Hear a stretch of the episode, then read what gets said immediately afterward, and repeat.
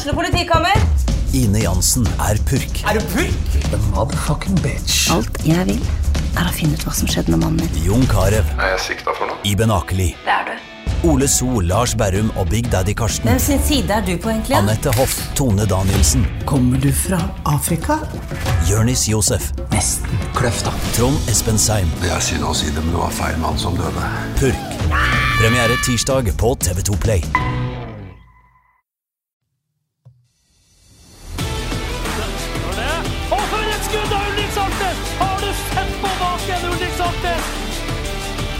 Og så er det skåring, og så skårer Bodø-Glimt.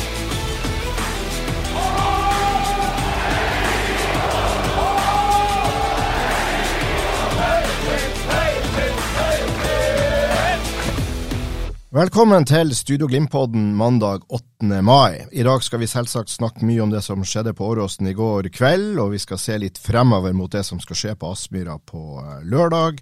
Og vi skal snakke litt spillebørs, og vi skal snakke litt om runden som har eh, Altså den runden vi akkurat avslutta eller som blir avslutta senere i dag med, med Brann mot Sandefjord. Med meg i studio i dag har jeg våre egne Glimt-eksperter, Stian Høgland og Freddy Thoresen. Velkommen skal dere være. Takk, takk. Og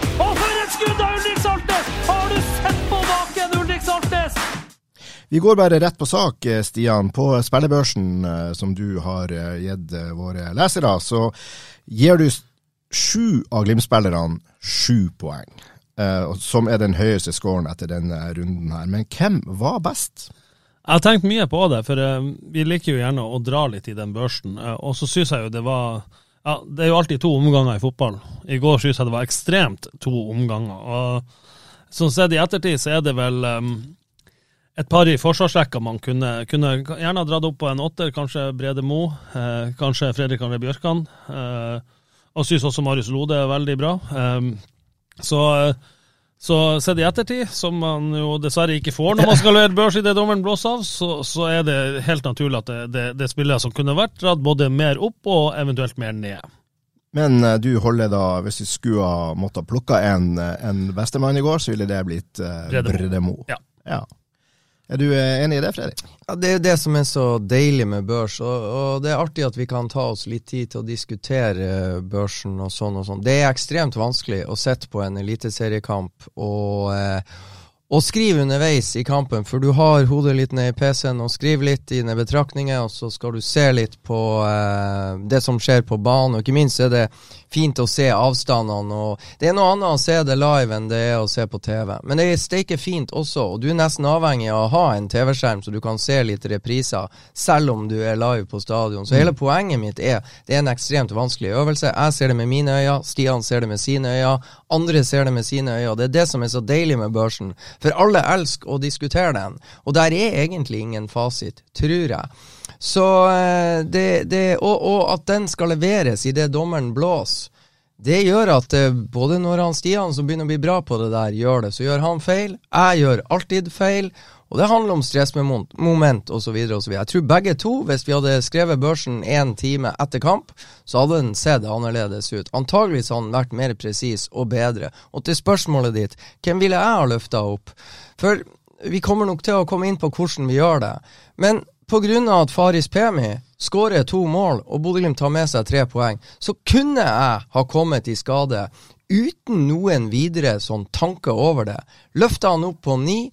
Ene og alene fordi at han skåra to mål, Glimt vant, Glimt slo tilbake etter å bli sendt hjem, eh, eller ut av cupen på den banen der. Og, og ikke minst, bare nesten alene på, på 2-1-målet, som er et kunstverk av en skåring av en spiss, som jeg ikke trodde Faris Pemi hadde i seg. Så jeg kunne fort, bare pga. at det ble seier osv., osv., drite i alle regler man har, og bare gi han en nier, fordi at jeg kan gjøre det. R- Rett og slett i sånn entusiasme? At du Ja, og på grunn Jeg kan jo, og jeg har jo da argument, ei argumentrekke klar for hvorfor jeg gjør det. mm. Og ikke sant, når man begynner å tenke på det at den seieren der nå gjør at Bodø-Glimt er ti poeng foran Molde. Nei, ti poeng foran Rosenborg, som jeg syns det er steike artig å si. Og de er ni poeng foran Molde. Hadde det blitt 1-1, ikke sant, så begynner Molde å, å ta inn på Bodø-Glimt. Molde begynner ikke sant, 3-0, 4-0. Nei, Bodø-Glimt vinner på en bane Molde-supporterne garantert håpa at Glimt skulle avgi poeng. Så bare for å i, så kan jeg sitte og tenke sånn, bare fordi at Faris Pemi snøyt Rosenborg-fansen og Molde-fansen for akkurat det, så er det verdt et poeng i mitt hode. Rett eller gærent, men sånn kan jeg tenke. Men Si litt Stian, om hvordan uh, dere angriper en, en, børs. Uh, vi skjønner at det skal skje fort. Den må være ferdig i det sekundet omtrent dommeren blåser av. Ja. ja. Nei, Freddy har helt rett.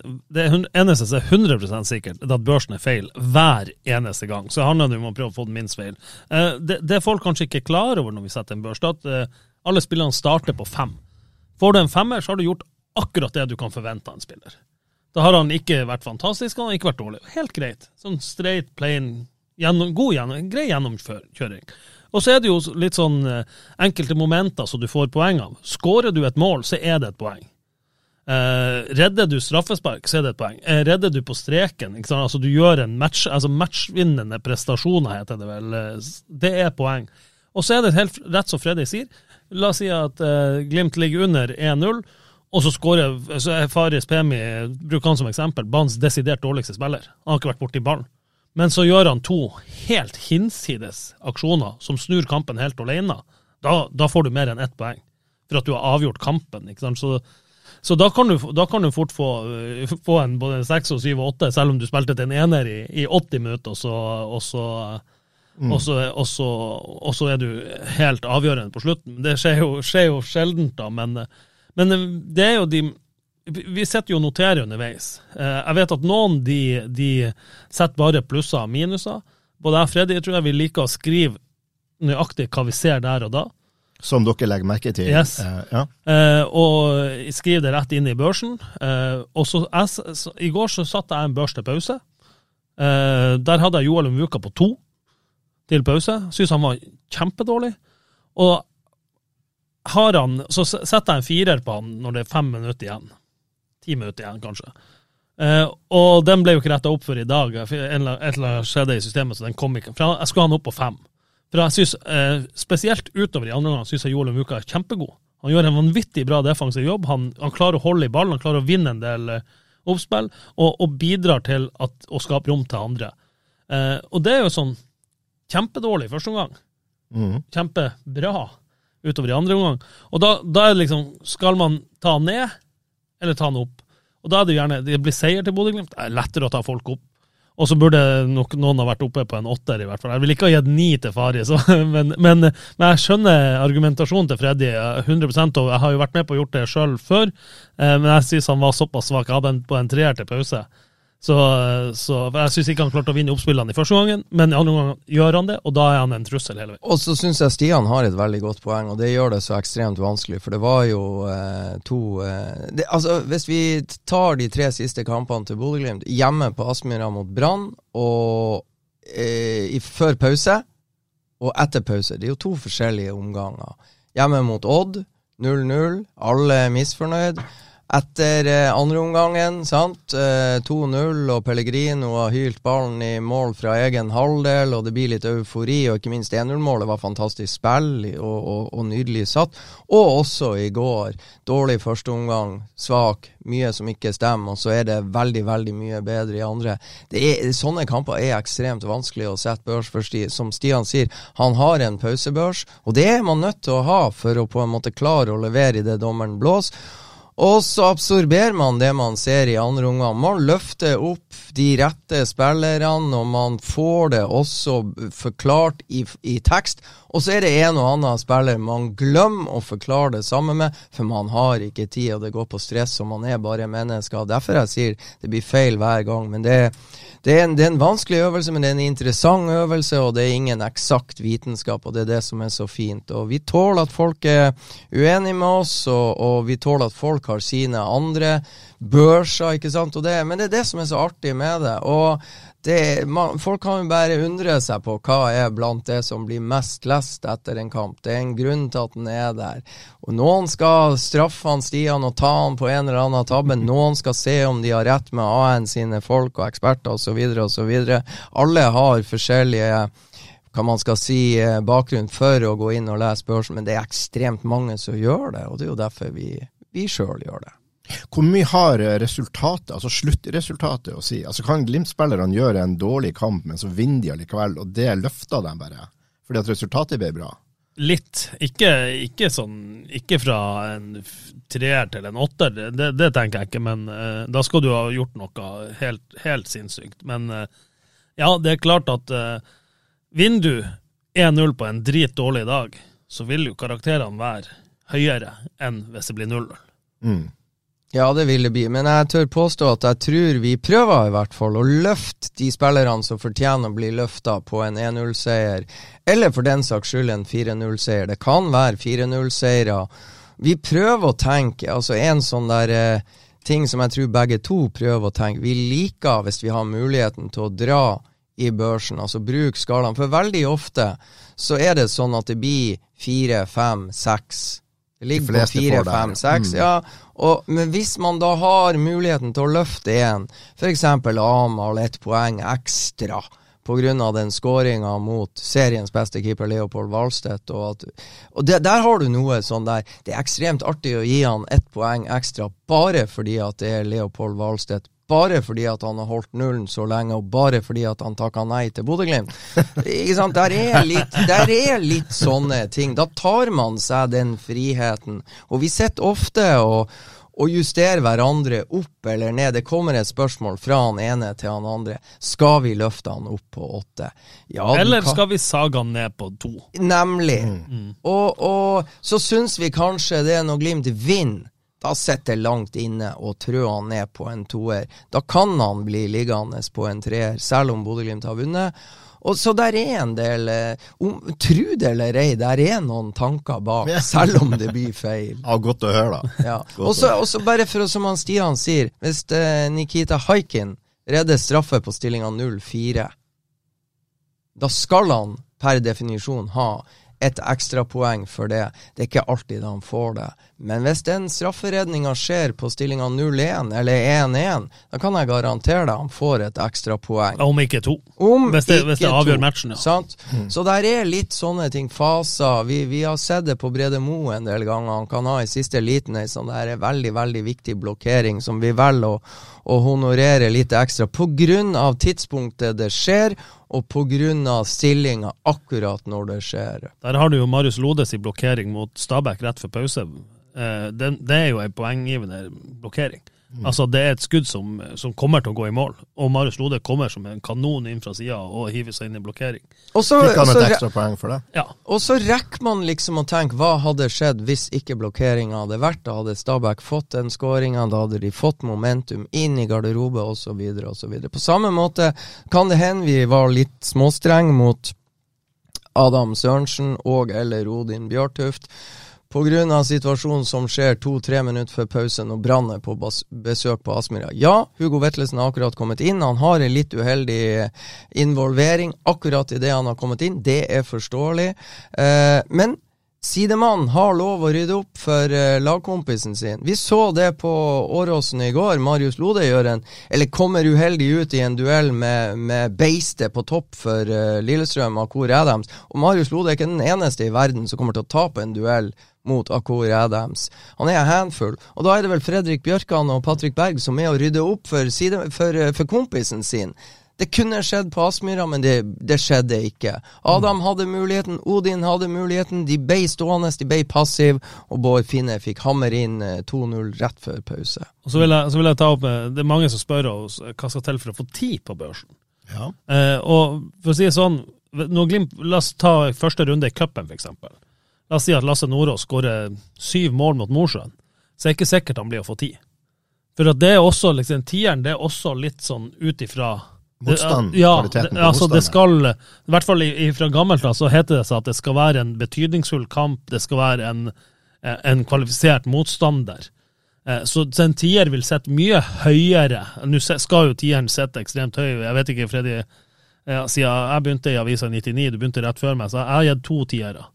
Uh, jeg tror du har gitt én. Jeg har i hvert fall gitt tier. Jeg, tror, jeg, vet ikke om jeg ga en tier til Hugo Vetlesen etter tre mål mot Odd i 7-0-kampen i fjor. Det tror tre, tre mål fra midtbaneposisjon. Ja.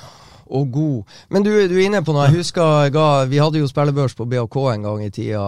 Kantspiller Jonas Torkildsen fra Bergen som eh, skåra ti av ti mot et sterkt lag som Sandefjord, som da var god i håndball. Satt ti av ti avslutning, ikke sant. Eh, og BHK vant. Ja, vi ga han ti på børsen. Men det som jeg syns er interessant, apropos den For Stian har helt rett, det skal sitte langt inne og dra han helt opp på tieren. Men en interessant opplevelse var i et eller annet håndball-VM i Det var håndball-EM i Sveits med Norge. Kjetil Strand, gammel eh, bakspiller fra Stavanger, skåra 16 mål på 17 skudd mot Island.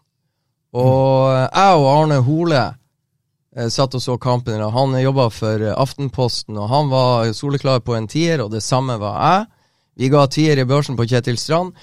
Eh, en journalist fra Bergen måtte ringe til Bergen. Han hadde lyst til å gi tier, han så hva vi gjorde, men han måtte det opp de, måtte, de på desken måtte ringe hjem til redaktøren for å høre om mannen som var på kamp i Sveits, i håndballkamp, fikk lov å gi Kjetil Strand tier på børsen. Så da måtte det opp på øverste hylle i den avisa i Bergen, og jeg syns det er interessant. Hva med eneren? Altså, å få én, det er jo egentlig å kle på seg fotballskoen og ta drakten rett vei. Altså, da har du jo da, det er jo minimumskravet. Du får meg for å møte opp. Ja, ja um, du skal gjøre ekstremt mye feil, og, og der er det også sånn sant, uh, Hvis du helt sånn uh, upressa lager et selvmål på stillinga 0-0 Du har ikke hatt en, du hadde en sånn shaky kamp, så vil si at det er 2-2, da skårer du et helt vanvittig selvmål, så du blir 3-2 på slutten. Da kan du få en ener. Og så er det liksom nå tror jeg aldri at det går en fotballspiller på banen, verken for Bodø-Glimt eller noen andre, som ikke gjør sitt beste. Men av og til kan det virke som at eh, folk ikke Det er helt greit å ha en drit dårlig dag. Helt, helt fair. Men det må se ut som at du prøver, at du virkelig prøver. Og gjør du det, så skal det godt gjøres å få ener. Men vi har jo gitt enere. Eh, vi hadde Og av og til så kan det bli en kollektiv straff. Jeg fikk veldig mye pes. Glimt eh, tapte 6-0 mot Vålerenga på Intility. Det er jo et forsvarsspill som er helt grusomt. Nå var det veldig mye spesielle omstendigheter rundt den kampen. Men da diskuterte jeg Vi har jo en, sånn, gruppe på Studio Glimt. Jeg diskuterte med Freddy, jeg diskuterte med noen, en del andre. Ringte til en. Jeg sier jeg har lyst til å gi keeper og hele backrekka én. For at de slipper inn seks mål og er ikke i nærheten. Eh, og det var eh, et par som mente at eh, toere kanskje var nok. Noen var soleklare enere. Mm. Eh, og da ble det fem enere. Eh, eh, rett eller galt, da ble det en kollektiv straff. Det, så setter jo selvfølgelig mer inne å gi én spiller én, og hvis du har resten på tre, f.eks. Det, altså, det er, det, det er stygt og slemt å gi en ener. Altså. Det, er, det er mobbing, og det er ondsinne, og det er sikkert både riktigst og mest fornuftig å dra det opp fra en ener til en toer, for det stinker uansett. Du skal være veldig sikker for å gi en ener. Altså. Og så må jeg si, bare, jeg, var Jeg mener vi er i det herrens år 2000. Det var en semifinale i cupen mellom Odd og Bodø-Glimt. Den endte 4-0 til hjemmelaget, og jeg var på den kampen der.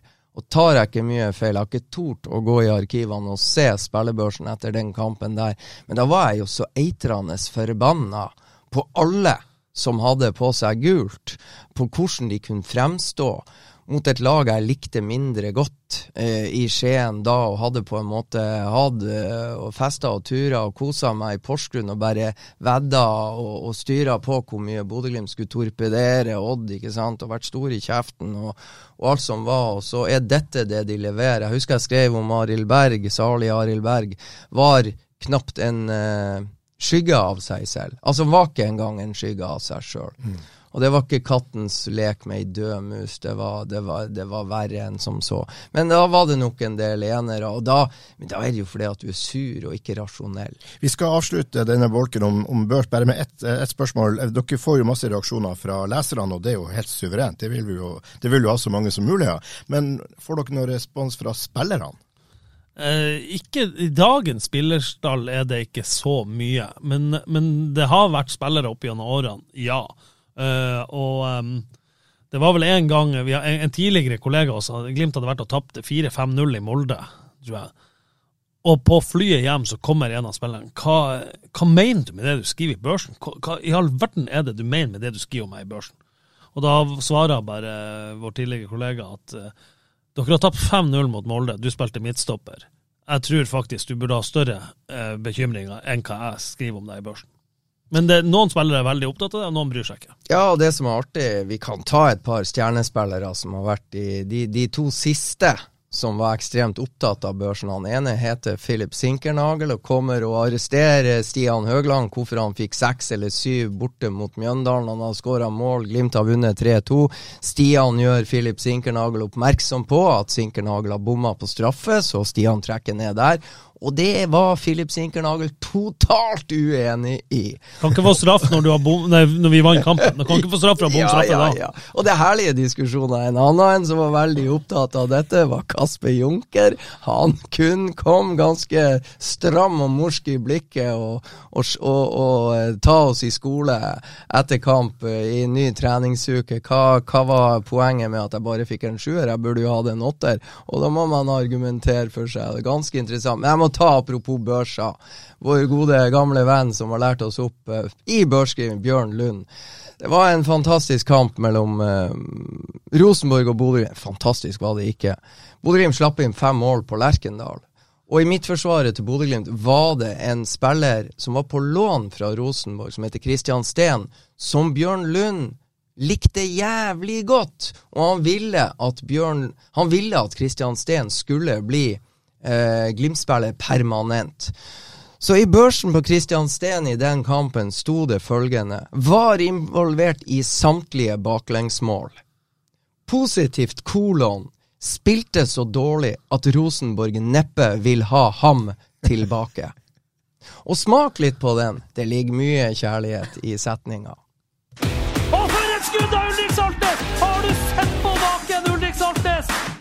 Tilbake til det som skjedde på Åråsen i går kveld. Vi har bare vært så vidt innom det i forbindelse med børsgjennomgangen. Men uh, det var jo først og fremst en veldig deilig, deilig seier.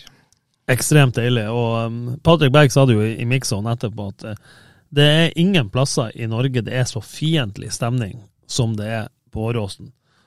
så det gjør det ekstra deilig å vinne der. Han hylla det. Altså Han sa det skal være sånn. Han var ikke noen det var ikke noe, kritikk, nei. Nei, ikke noe kritikk. Det var egentlig en hyllest til, til, til Lillestrøm-fansen. Men han har jo helt rett, for det er Altså, det er så fiendtlig. Eh, satt en fyr ved sida av meg i ene kampen der at eh, Espen Garnås spilte ballen ut med en spiller. Hva faen er det du gjør, Garnås? Sparken! Sparken i huet!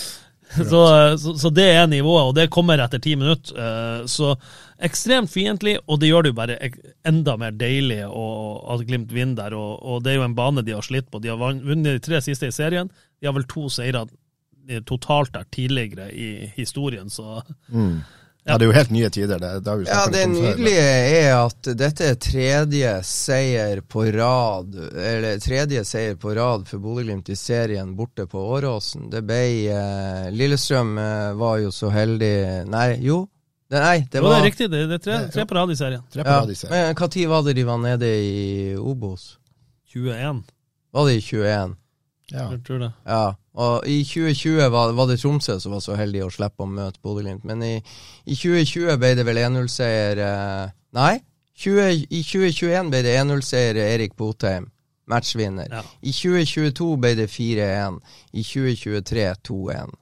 Så tre siste årene. Det var Lillestrøm som var så heldig å slippe å møte uh, faktisk både Lillestrøm Det var det som forvirra oss. Både Lillestrøm og Tromsø var nede i 2020. Så begge lagene slapp ekstremt billig unna da. Sant? Men, men jeg vil bare si tilbake til børsen. Altså, for første gang Det er garantert et bevisst poeng av Stian at han ikke vil trekke opp noen fra syv. For han har syv syvere. Og når man vet hvordan tallet syv står i Bodø-Glimt-historien, med Dutte, Berg osv., så, videre, og så, videre, så er jeg hellig overbevist om at det der var et bevisst valg som Stian trakk frem på Åråsen etter 2-1 på en fryktelig vanskelig bortebane. Så bare se om dere fikk det med dere. Yes. Ja. Det tok sin tid. Men vi må, vi må, holde oss til kampen, og uh, vi har vært litt innom det. Det var en uh, stor forskjell på første og andre omgang. Ja, spesielt det siste kvarteret før pause så gjør ikke Glimt det de skal i, i presspillet sitt, og Lillestrøm er god, det skal ikke ta noe vekk fra Lillestrøm. De, de har en del gode spillere, men de klarer å få spilt av toppresset til Glimt. Og Glimt får en voldsom strekk i laget. De kommer veldig ofte inn i gunstige posisjoner i mellomrom. Så, så blir det ikke veldig farlig eh, så altfor ofte. Men uh, der sleit Bodø-Glimt, og så gjør jo Kjetil Knutsen noen grep i pausen. Eh, snakker om at eh, Lillestrøm er en femmer sentralt. Hvis vi gjør det vi skal, så er vi sju. Da skal vi spille de ut hver eneste gang. Og det ser vi andre gang. Glimt spiller av eh, presset til Lillestrøm i midtbane sentralt der, gang på gang på gang. Og mm, ja, når, det, når Lillestrøm utligna, så satt jeg med en følelse at nå er Lillestrøm i ferd med å gå i oppløsning. Eh, så skjedde jo det som skjedde med, med Omar måtte ut der, og, og Glimt en mann mindre. Men da følte jeg at nå kommer Glimt i gunstige posisjoner hver eneste gang de har ball. Og her kommer det til å, til å sprekke opp til slutt, men det, det gjorde ikke det. Men, men, jeg vil bare skyte inn et lite spørsmål til akkurat det. For du, du, sier nemlig at Kjetil gjorde noen grep i pausen. Hvorfor ble ikke de grepene der gjort uh, før kampen? Altså, Hva er det som gjør at vi skal ha, at vi skal ha sånne omganger sånn som det der? Jeg vil jo være ganske trygg på at Kjetil sa akkurat det samme før kampen. Så handler det om utførelse. Mm. For, for Glimt, Glimt har jo jobba med hvordan de skulle presse Lillestrøm. Og hvis du så et annet grep i går eh, Faris Bemik sleit på oppspillene i semifinalen i cupen. Da lå han sentralt i banen. I går så trakk han seg veldig mye ut på Glimt i høyreside. Kanskje da Joel Mvuka kommer inn i banen. Så de, de veksla litt plass der. Det er jo også et grep de prøvde for å få unngå at Farris Bemir skulle få de, disse duellene med Ruben Gabrielsen. Hele tida. At han skulle få de mot han Tønnesen i stedet. Og så er fotball av og til et sjakkspill mellom dyktige trenere. Det er spill mot spill. Så Glimt har forberedt seg på hva Lillestrøm kommer med. Den samme forberedelsene har Geir Bakke og Lillestrøm gjort. Og så er det da eh, De har nok en gameplan de tror på, både Geir Bakke og Kjetil Knutsen. Og så eh, har Glimt da i tre kamper på rad nå gjort gode justeringer i pausen. Og Så kan man si de burde ha gjort de før kamp, men, men de forbereder seg før kamp også. Og så gjør de tydeligvis gode justeringer, og det er bra. Det som er mindre bra, det er jo det Hvorfor bruker de Hvorfor forlater Omar Labdelaue banen før en spiller er klar? Og ja, det kan være lett for meg å sitte og si eh, det nå, altså det blir akutt osv., osv., men Omar sleit jo før pausen. Så de burde også brukt deler av pausepraten til å sørge for at Brisveen Bangomo er, er, klar på ekstremt kort varsel.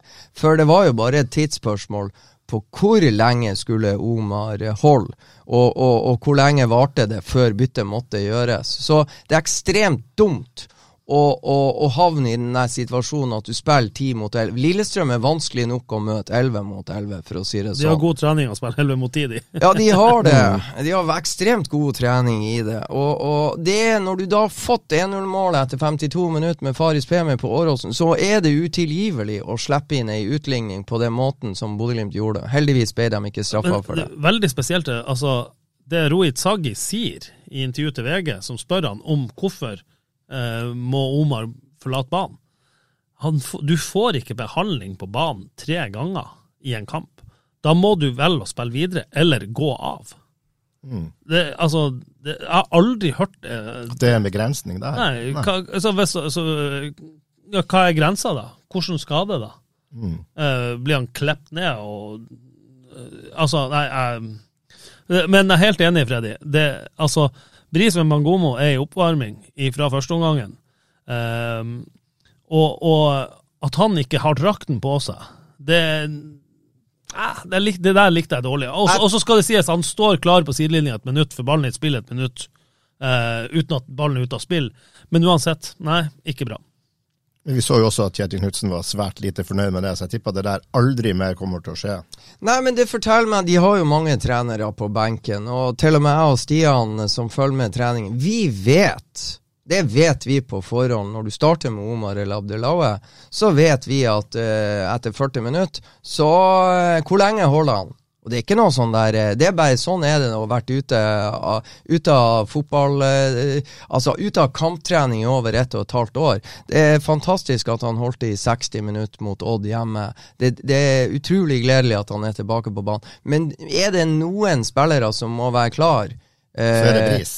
Ja, altså, du, en spiller som, som på kort varsel kan steppe inn for uh, Omar, det er det ingen tvil om. Det vet du før kampen begynner. At i pausen så blir Sven Bangomo Om du sitter uten drakt før pause, så skal du ta på deg drakten i pausen. Du må ha leggskinn og den slags klar. Og ekstra viktig blir det jo når den dommeren der er, er på Jeg skal ikke si navnet hans, men uh, det, det, oppstår nye regler når, uh, når Rohit Sagge, nå sa jeg navnet, er i aksjon situasjon. Jeg registrerte at det var fire minutter tilleggstid i cupen når Lillestrøm leda 1-0, og det ble jo dobbelt så mye spilletid når Glimt leda 2-1. Jeg vet da søren om det var like mye stopp i spillet. Et par ord om Bris, som ikke handler om innbytte og klar eller ikke.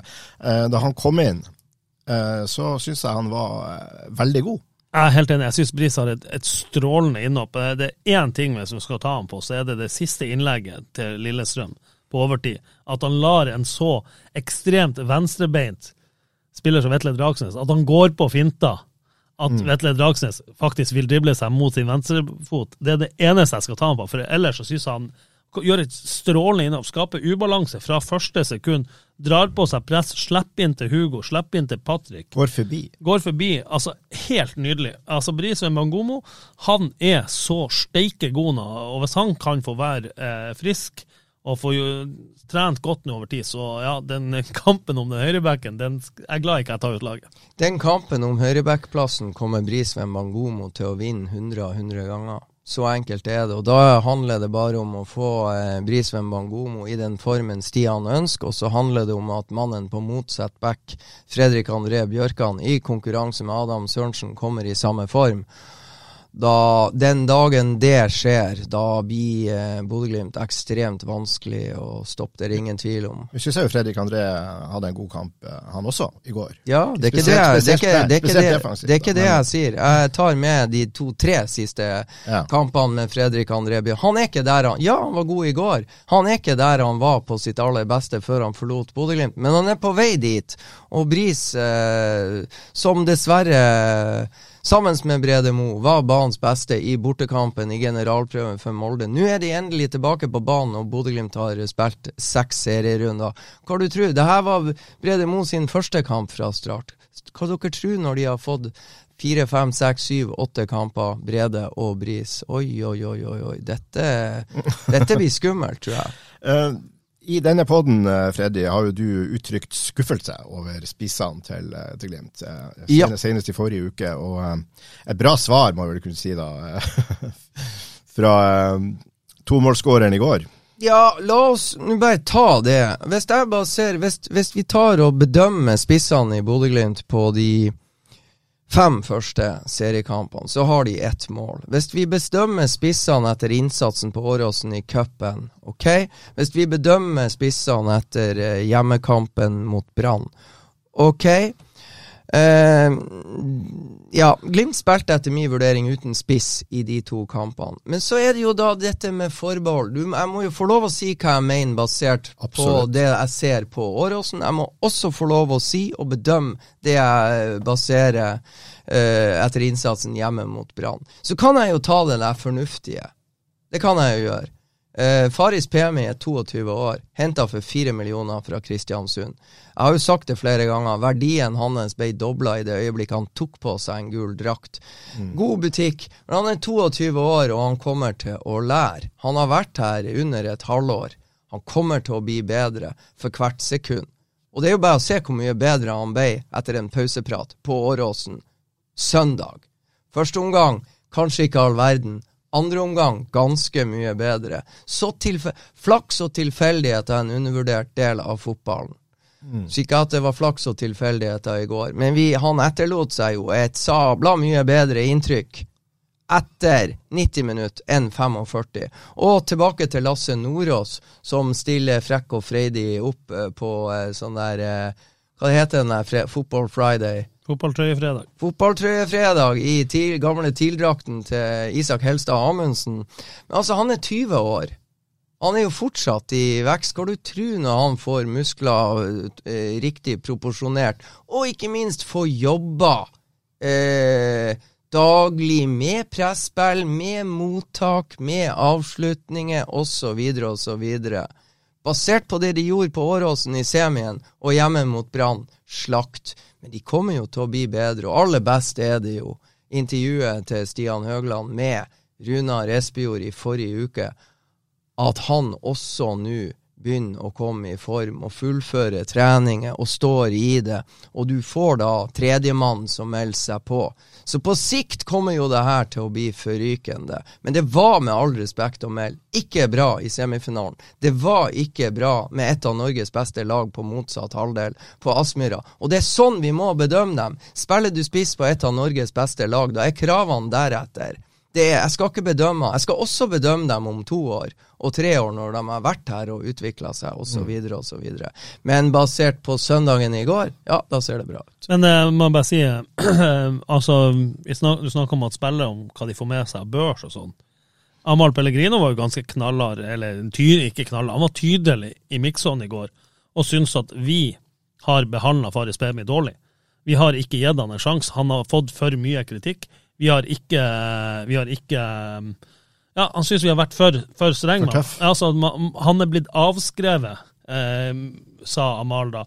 Og Det sa han eh, to ganger i intervjuet i går, at eh, han syns at vi, eh, vi, har vært for strenge. Og det, så spillere får med seg ting, og, og så kan man være uenig eller, eller enig i det, det, men det er jo det, det Amal Pellegrino sier, og det, ære være for at han, at han, tar opp det òg. Du prata med Faris Pemi etter kampen i går, og det var jo en veldig, jeg synes han gjorde et veldig sympatisk og, og flott inntrykk. for Han virker å være en veldig flott fyr. Ja, altså jeg har intervjua han en fire-fem ganger nå, og også, også snakka litt med han sånn, sånn når man har møtt han et par ganger. Og, og veldig sympatisk, veldig jordnær, veldig ydmyk, og, og ikke minst lærevillig. Ser jo det når han står, står voldsomt mye med Åsmund Bjørkan og, og trener på på ting som man ser eh, småguttespillere trene på eh, foran mål. Eh, blir aldri for gammel til å trene på enkle ting.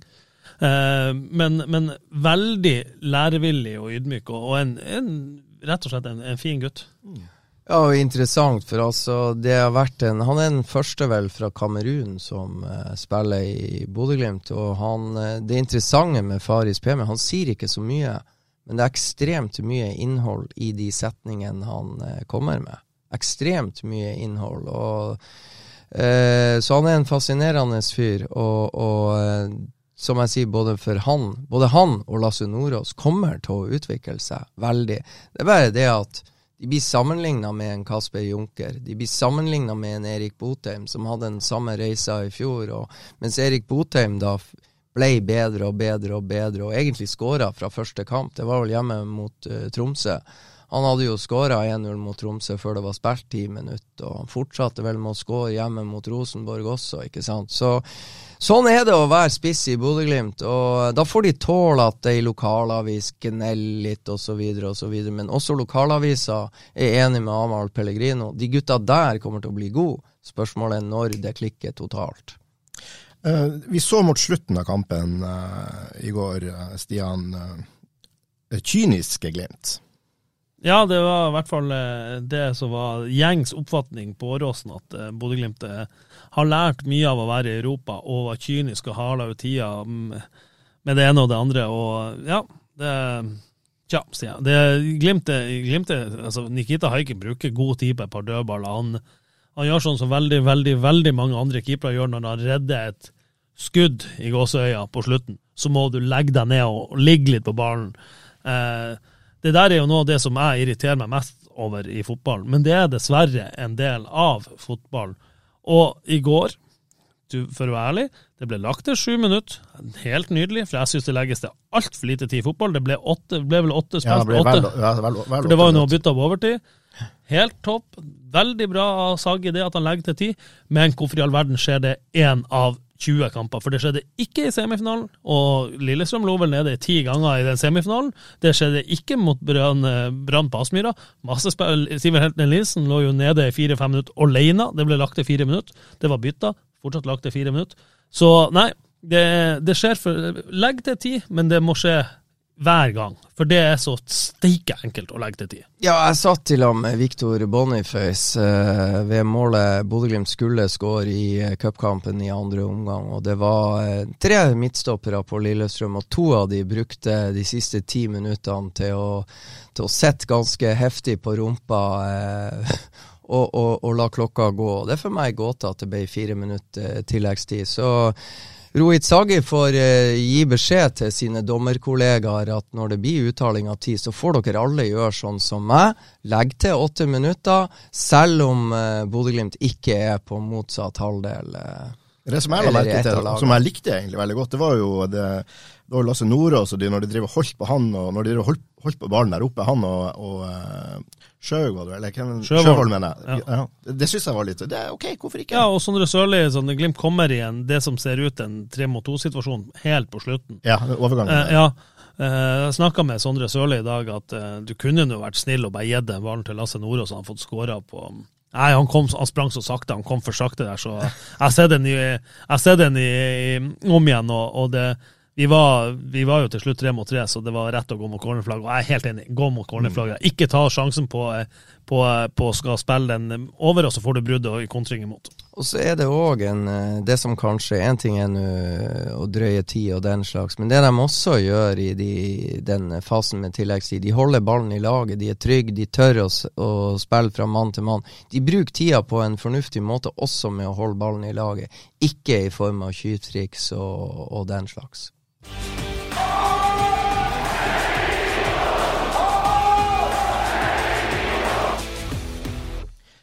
LSK Bodø-Glimt 1-2.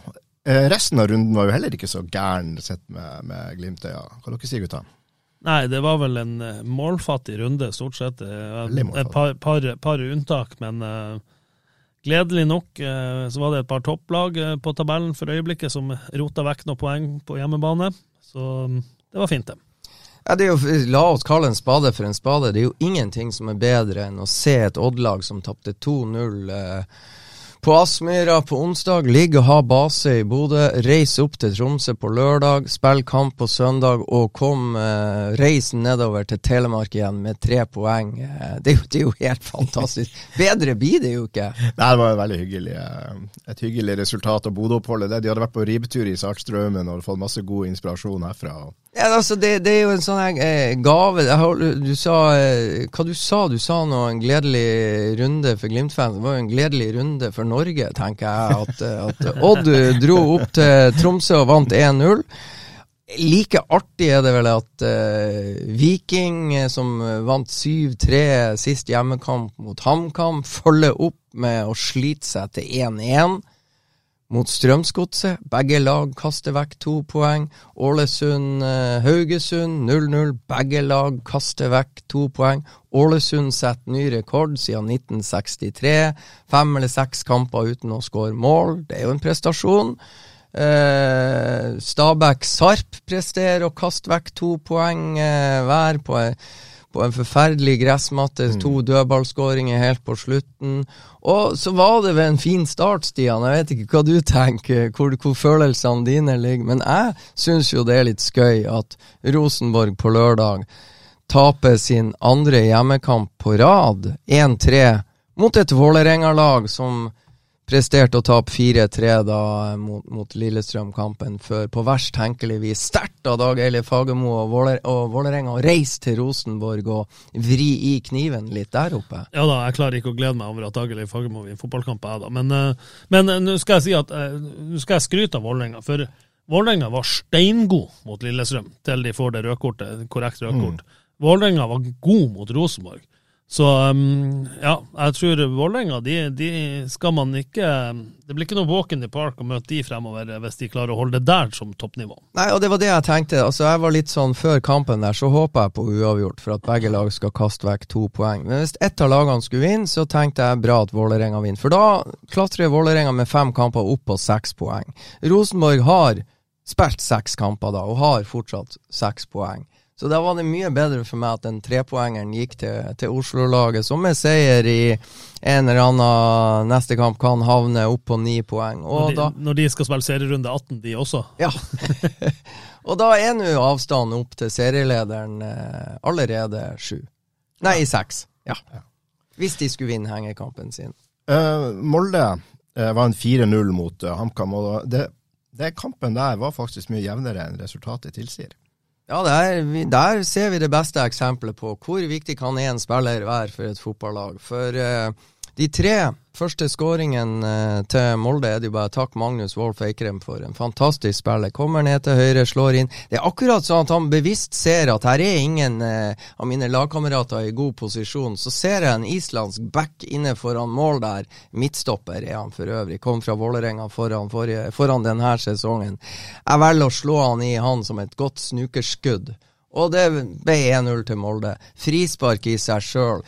Så lenge det er Wolf Eikrem, så tror jeg det er bevisst, og det er fantastisk gjort. Og selvfølgelig er det han som snapper ei feilpasning fra Sjøl- Sjølstad. Fredrik. Sjølstad, ja. Som hadde en forferdelig dag på jobben. Hadde det ikke vært for Fredrik Sjølstad, så kunne det der ha blitt spennende.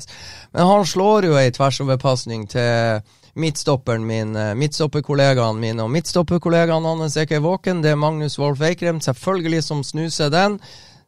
Drar ballen med seg, slipper til han tidligere HamKam-spilleren som får lov å sette inn 3-0. Så alt er jo opplegg og regi Magnus Wolff Eikrem, og de får ei straffe etter at Sjølvik Sjølstad ja, river ned uh, innbytter Knutson og Jeg vet ikke hvor mange minutter var gått da, Stian. 60-ish, når- 60-62 når Sivert Mannsverk setter inn eh, 4-0. Da bytter de ut Magnus Wolff Eikrem, ikke sant? Og så spiller de eh, Spiller de uh, siste halvtimen ish, elleve 11 mot 10 uten å score. Ja, de tok, tok ut Wolf Eikrem rett før Det er jo han som går ut når Knutson kommer inn, så han gikk ut rett før timen var spilt, og straffa kom etter 61. 61, ja. Men Ja, men han- Molde må man passe seg for nå. Altså, for, for de har Altså, nå hadde de Ålesund, og så hadde de HamKam. To svake lag. Ja. Så ærlig må jeg være. Nå har de Godset hjemme i neste, svakt lag. Så har de Ålesund borte igjen, svakt lag. Og så skal de ha Sandefjord hjemme, svakt lag. Så de har tatt seks poeng. De blir å ta eh, tre, seks, ni 12. eh, De blir å ta tolv poeng. Ja. Eller ni poeng til nå, på, på rad. Eh, og så har de Viking borte, som er tøft, og så har de Odd borte, som er tøft. Eh, Og så skal de hit. Nei, så har de Haugesund hjemme, og så skal Og så de hit. men, men, men, men Molde har, er inne i en periode hvor de blir å ta 15 poeng på rad. Ja, og nå har de ikke sant 3-0 eh, hjemme mot, eh, mot eh, Ålesund, og så 4-0 borte mot eh, HamKam. Og det er lov å ha gode fotballspillere. Magnus Wolff Eikrem er tilbake, og eh, han var den store, store forskjellen på en vanskelig bortebane. Så den 4-0-seieren der, jeg er enig med Molde-spillerne. Det er ikke mange lag som kommer til å vinne 4-0 på, på Briskeby. Det gjorde Molde, og nå er de i gang. Så det, det laget jeg blir å følge litt med. Han er irriterende god, eh, Eikrem. Han er så god at eh, Ja. Jeg syns nesten han er sjarmerende god. Han er en fantastisk god fotballspiller. Ja, det er ikke noe mer å si om det, altså. Jeg skulle gjerne Ja. Jo da, nei, men du skjønner hva jeg mener. så gjerne hatt han på, et utenlandslag. Kunne Ja, spilt, vært god i FCK, for eksempel. Absolutt. Ja, men, men du, du har et godt poeng, men han er en berikelse for Eliteserien. En Ja. fantastisk spiller. Han kommer til å gjøre Molde god. Det er derfor det er så flott at Bodø-Glimt har den eh, avstanden de har til Molde. For igjen, jeg tror også Bodø-Glimt kommer til å bli bedre. Så jeg har en liten følelse at det forspranget Glimt har fått til nettopp Molde, det blir uhyre vanskelig for Molde å ta igjen, selv om de er nå i dytten. Håper du har rett i det. Da er det skåring! Og så skårer Bodø-Glimt! Lørdag er det klart for en ny fotballfest i Bodø. Vi liker de lørdagskampene. Klokka 17 er avspark i kampen Bodø-Glimt-Rosenborg, og det blir kampen sin det, Freddy. Blir det et taktikkmesterskap med Kjetil mot Kjetil? Ja, det blir det. Det blir i hvert fall et eh, Jeg tror eh, Rosenborg kommer til å finne frem alle triksene i boka, og Kjetil Rekdal kommer til å finne frem alle triksene i boka. De har lyktes en del ganger på Aspmyra. Åge Hareide kom vel opp og fikk 2-2 eh, da han var sjef her, og det var ikke etter min vurdering velfortjent. Og i fjor kom også Rosenborg opp, og Tobias Børkøy hadde to skudd, og begge gikk i krysset bak Nikita Haikin. Så eh, det har blitt 2-2 i de to siste gangene Rosenborg har vært på Aspmyra. Jeg håper det blir sånn som det var når eh, Glimt feira sitt første gull i 2020, at Rosenborg kommer opp og det blir 5-1. Hva du tenker Stian? Jeg, jeg, jeg snakka med en i Glimt i går kveld, og han som han sa Kjetil Rekdal han kommer til å bare hente blåkopien av kampplanen fra første serierunde i fjor. De kommer til å gjøre akkurat det samme. De kommer til å være kyniske, de kommer til å ligge lavt. De Kommer til å prøve å låse av Glimt og, og, og sjokke Glimt litt eh, når Glimt skal sette i gang bakfra. Eh, og så er det jo bare å håpe at Børkei eller noen andre ikke skal stå og prikkskyte i krysset. Og så tror jeg jo, hvis man får ledelsen der, Så, men jeg, jeg er ikke så sikker på at Rosenborg, hvis Glimt skårer tidlig, eksempel, så tror jeg ikke Rosenborg kommer til å endre noen ting. De kommer til å ligge lavt og, og være kynisk hele veien, og satse på å få ei utligning. Eh, men nå har jo Rekdal gått ut og sagt at de skal opp til Bodø og angripe. De kan ikke legge seg ned og dø i Bodø. De må, de må prøve å, å, å, å, angripe Glimt, og sjokke Glimt. Det blir veldig spennende å se om det, de gjør det. For vi vet jo, eh, Freddy, fra i fjor, når Glimt skulle til Lerkendal i, på høsten i fjor, så fikk jo vi meldinger fra folk som så Rosenborg-trening, de begynte jo De hadde vel fri dagen etter kampen før, men så begynte de dagen etter det igjen å trene 5-4-1 og ligge ultralavt på trening hele uka inn mot Glimt-kampen. Og vi så jo det på Lerkendal. De lå jo lavt som fyren. Nå skal det sies at de skåra tre mål i den kampen og hadde jo litt offensivt uh, skyts da.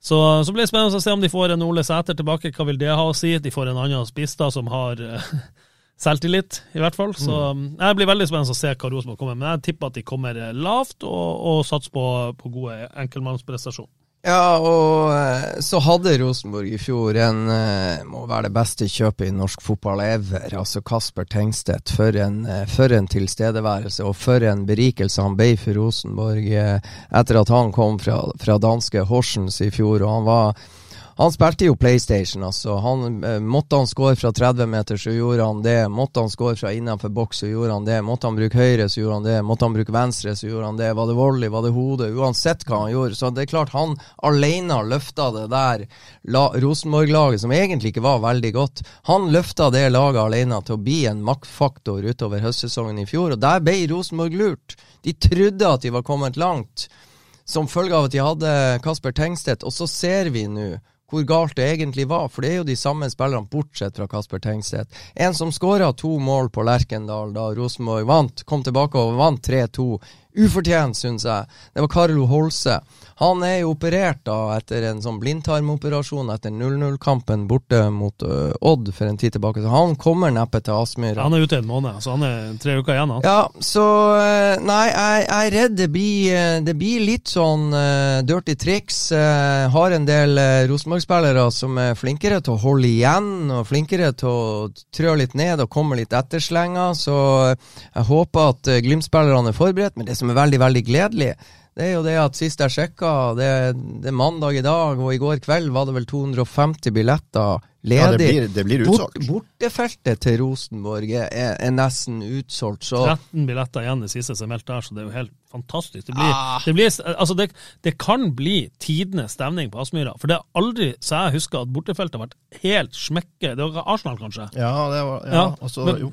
Altså, Zürich var fantastisk, men de var ikke utsolgt. Nå er bortefeltet utsolgt, og vi vet at Rosenborg-supporterne de høres. De er gode. Ja, de er gode. Ja, de er det, så, så, jeg tror det kan bli en helt vanvittig stemning på Aspmyra på lørdag klokka fem. altså. Og det verste av alt det her er en sånn her kamp at uh, der kan det plutselig løsne for uh, Rosenborg. Men da må de lykkes med veldig mange av uh, fotballens mange faser samtidig.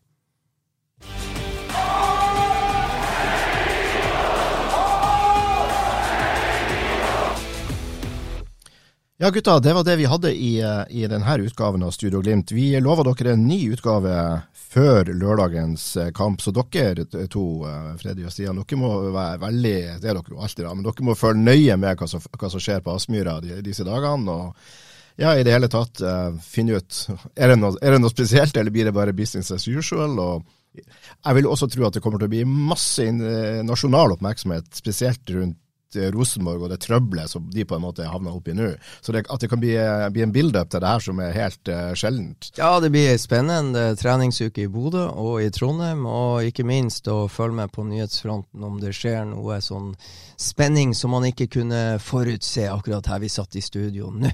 Det blir veldig spennende. Jeg gleder meg vanvittig til lørdag. Takk skal dere ha, og tusen takk til deg som hører på oss.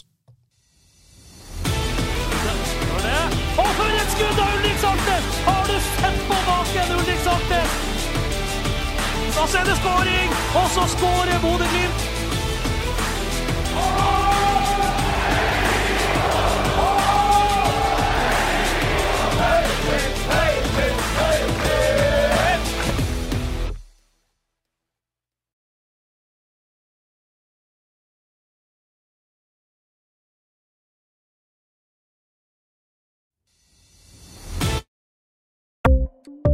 Ukens annonsør er HelloFresh. HelloFresh er verdens ledende matkasseleverandør og kan være redningen i en travel hverdag. Mange av oss har nok vandret i butikken både sultne og uten en plan for middagen, som ender med at vi går for de samme kjedelige rettene gang på gang. Middag burde være dagens høydepunkt. Som Hello Fresh kan du nå velge mellom 25 ulike retter hver eneste uke, eller få Hello Fresh til å sette sammen menyen for deg. Dette gir deg muligheten til å prøve nye og spennende retter alene eller sammen med familien. Du velger antall porsjoner og får alt levert på døren på et tidspunkt som passer for deg. Oppskriftene er enkle, og maten er lett å lage både for store og for små. Ved å få alt levert hjem får du også mer tid til å dele matgleden med familie og venner. Kanskje det frister med asiatiske tacos eller greskinspirert kylling? Da kan jeg anbefale deg om å gå inn på hellofresh.no. Her kan du bruke koden FOTBALL og få opptil 1779 kroner i rabatt på de første fem matkastene hvis du ikke har prøvd Hello Fresh tidligere. Du kan også bruke rabatten hvis du har vært kunde og stoppet abonnementet ditt for tolv måneder siden eller lengre. Gå inn på hellofresh.no og bruk koden FOTBALL. Har du et enkeltpersonforetak eller en liten bedrift? Da er du sikkert lei av å høre meg snakke om hvor enkelt det er med kvitteringer og bilag i fiken, så vi eh, gir oss her, vi. Fordi vi liker enkelt. Fiken superenkelt regnskap.